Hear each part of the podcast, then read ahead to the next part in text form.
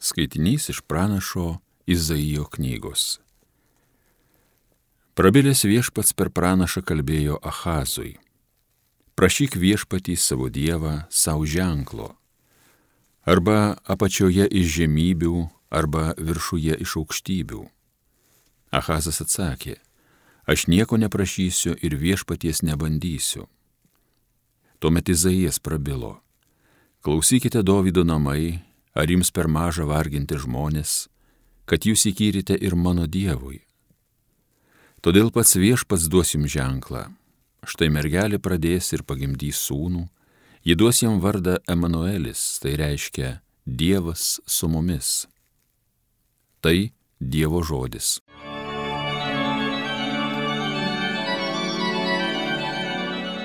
Tai žengia čia viešpats, jis garbingas valdovas viešpatie žemė ir kas tik ant žemės, visas pasaulis ir kas jame gyva, juk tai jis jį virš jūrų pastatė, virš upių tvirtą sukūrė. Tai žengia čia viešpats, jis garbingas valdovas. Kas įžengs į viešpaties būstą, kas drys jo šventykloj pabūti, žmogus, kurio rankos nekaltos, kuris turi sąžinę gryną, bereikalo nemeni viešpaties vardo Tai žengia čia viešpats, jis garbingas valdovas. Viešpats šitokį laimins, gelbėtojas Dievas atlygins, šitokie žmonės tikri jo gerbėjai, jie išsilgia viešpaties veido. Tai žengia čia viešpats, jis garbingas valdovas. Alleluja.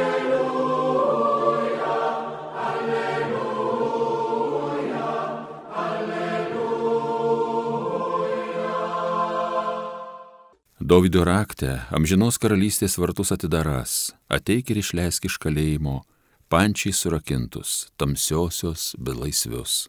Alleluja, alleluja, alleluja. Viešpat su jumis, pasiklausykite Šventojios Evangelijos pagal Luką. Šeštame mėnesyje angelas Gabrielius buvo Dievo pasiustas į Galilėjos miestą, kuris vadinasi Nazaretas, pas mergelę sužadėtą su vyru vardu Juozapas iš Dovido namų, o mergelės vardas buvo Marija. Atėjęs pas ją angelas tarė, sveika malonėmis apdovanotojai, viešpat su tavimi. Išgirdusi šiuos žodžius, jis sumišo ir galvojo savo, ką reiškia toks sveikinimas. O angelas jai tarė, nebijok Marija, tu radai malonę pas Dievą, štai tu pradėsi iščiuosi ir pagimdysi sūnų, kurį pavadinsi Jėzumi. Jisai bus didis ir vadinsis aukščiausiojo sūnus. Viešpats Dievas duos jam jo tėvo Dovido sostą. Jis viešpataus Jokūbo namuose per amžius ir jo viešpatavimui nebus galo. Marija paklausė Angelą, kaip tai įvyks, jeigu aš nepažįstu vyro? Angelas jai atsakė, šventoji dvasia nužengs ant tavęs ir aukščiausiojo galybė pridengs tave savo šešėliu. Todėl ir tavo kūdikis bus šventas ir vadinamas Dievo sūnumi. Antai tavoji giminaitė Elisbeta pradėjo sūnų senatvėje ir šis mėno yra šeštas tai, kuri buvo laikoma nevaisinga, nes Dievui nėra negalimų dalykų. Tada Marija atsakė, štai aš viešpaties tarnaitė, te būna man, kaip tu pasakėjai. Ir angelas pasitraukė. Tai viešpaties žodis.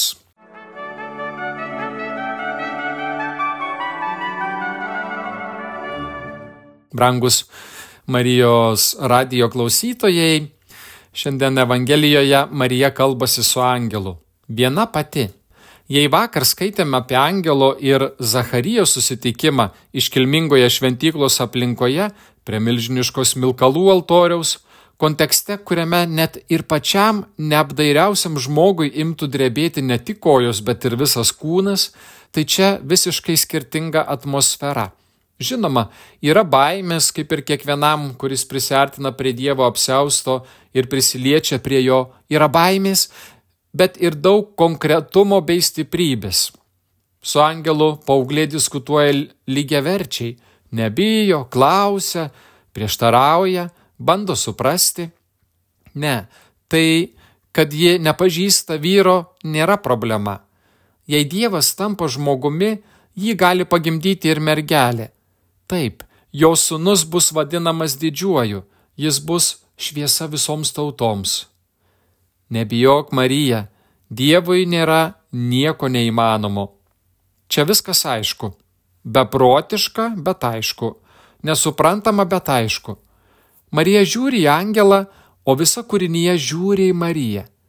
Jei ji skirs laiko, jei vis dar norėtų pagalvoti, kas galėtų ją kaltinti. Argi nebūtų gaila paauglio, kuris imasi išgelbėti pasaulį? Vaikystė. O čia tokie dalykai pasaulį reikia gelbėti. Marija pamasto ir pasiuntiniui perdoda žinę. Tegul Dievas daro taip su manimi, kaip jis nusprendė. Šventasis Jonas Krikštytojas ruošia tuo metinius žmonės, kurie netrukus galės prisiliesti savo gyvenimu prie šios scenos, kurioje matėme Marijos ir Angelo susitikimą ir jo pasiekmes kiekvienam žmogui, visų kartų žmonėms. Jonas Krikščitojas buvo balsas, kurį Dievas atsiuntė prieš savo ateimą, kad paruoštų išrinktąją tautą Izraelį jo ateimui. Jonas ne tik kalbėjo, jis turėjo šaukti dikumoje, kad jį išgirstų žmonės, pasiklausę jo pamokslo. Žmonės atgailavo už savo nuodėmes ir jas išpažindavo. Bet visa tai buvo tik, o gal net nuoširdžiausias pasiruošimas Šventasis Jonas Krikštytojas neturėjo teisės atleisti nuodėmių, kaip dabar turi kunigai, tačiau daugelis jo paklausę pajusdavo, kaip būtų gera apsivalyti. Geriausias pasiruošimas mūsų viešpaties ateimui buvo atgailauti, išpažinti savo nuodėmės ir pradėti naują Dievo artumą jaučiančio žmogaus gyvenimą. Lygiai taip pat Adventas kviečia ruoštis Jėzaus ateimui su atgailos sakramentu. Skirtumas tas, kad žmonės išpažinę Jonui savo nuodėmės galėjo tik tikėtis, kad Dievas vieną dieną jiems atleis. O išpažinties sakramento lobis yra tas, kad jame Dievas tikrai amžiams atleidžia mūsų nuodėmės. Tad vos kelioms dienoms iki kūčių ir kalėdų belikus mes dar pagalvokime, o gal nespėjau padaryti nuo širdžios atgailos? Gal dar netlikau iš pažinties? Gal neparvežiau namo kunigo sergančiai savo mamai, tėčiui? Gal žinodamas, jog mano kaimynas sukaustytas lygos patalo, pansulto ar kitų sunkių lygų, nepasirūpinau jam užtikrinti dvasinių patarnavimų, kunigo parvežti prie šventės su sakramentais. Dar nevėlu, broli sesė, dar galiu kreiptis į savo parapijos kunigą ir pasiruošti.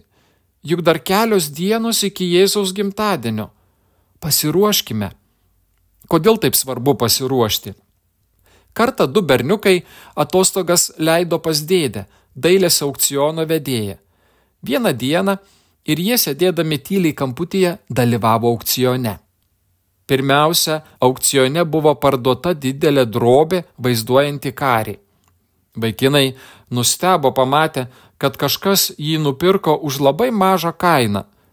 Tačiau vėliau buvo parodytas mažas paveikslėlis, kurio dažai buvo tokie nešvarūs ir išblukę, kad buvo sunku suprasti, ką jis iš tikrųjų vaizduoja. Jis buvo parduotas už vaikams neįsivaizduojamo dydžio sumą. Grįždami namo vaikinai paklausė dėdės, kodėl taip nutiko, dėl kokios priežasties, nes jų manimų turėjo būti atvirkščiai. Vyras paaiškino, kad šį mažą ir blyškų kūrinį nutapė puikus menininkas ir visi jo darbai visada buvo labai vertingi. Ir net jei jis buvo nešvarus ir sugadintas, tinkamai restauruotas galėtų papuošti bet kurio muziejaus sienas. Mėlyjei Marijos radio klausytojai, tas pats atsitinka ir su mūsų sielomis. Visos jos kilusios iš puikaus menininko. Jos gali būti šiek tiek suterštos, bet to paties menininko rankose jos gali atgimti ir būti tarsi naujomis, nuostabiai gražiai sukurtomis. Iš tikrųjų, tai neįkainuojama. Nes išpažinties metu įvyksta ši nuostabi mūsų sielos restauracija. Leiskime mūsų kuriejai atstatyti šių švenčių metu mūsų sielos grožį. Ir jeigu turime savo aplinkoje žmonių, kuriems reikia priminti, kaip nuostabu turėti gražią sielą, priminkime. Jeigu turime tų, kuriais reikia pasirūpinti, pasirūpinkime. Taip pat ir savimi. Palaimingų švenčių, kurios jau alsuoja mums į nugarą. Amen. Garbė Jėzui Kristui.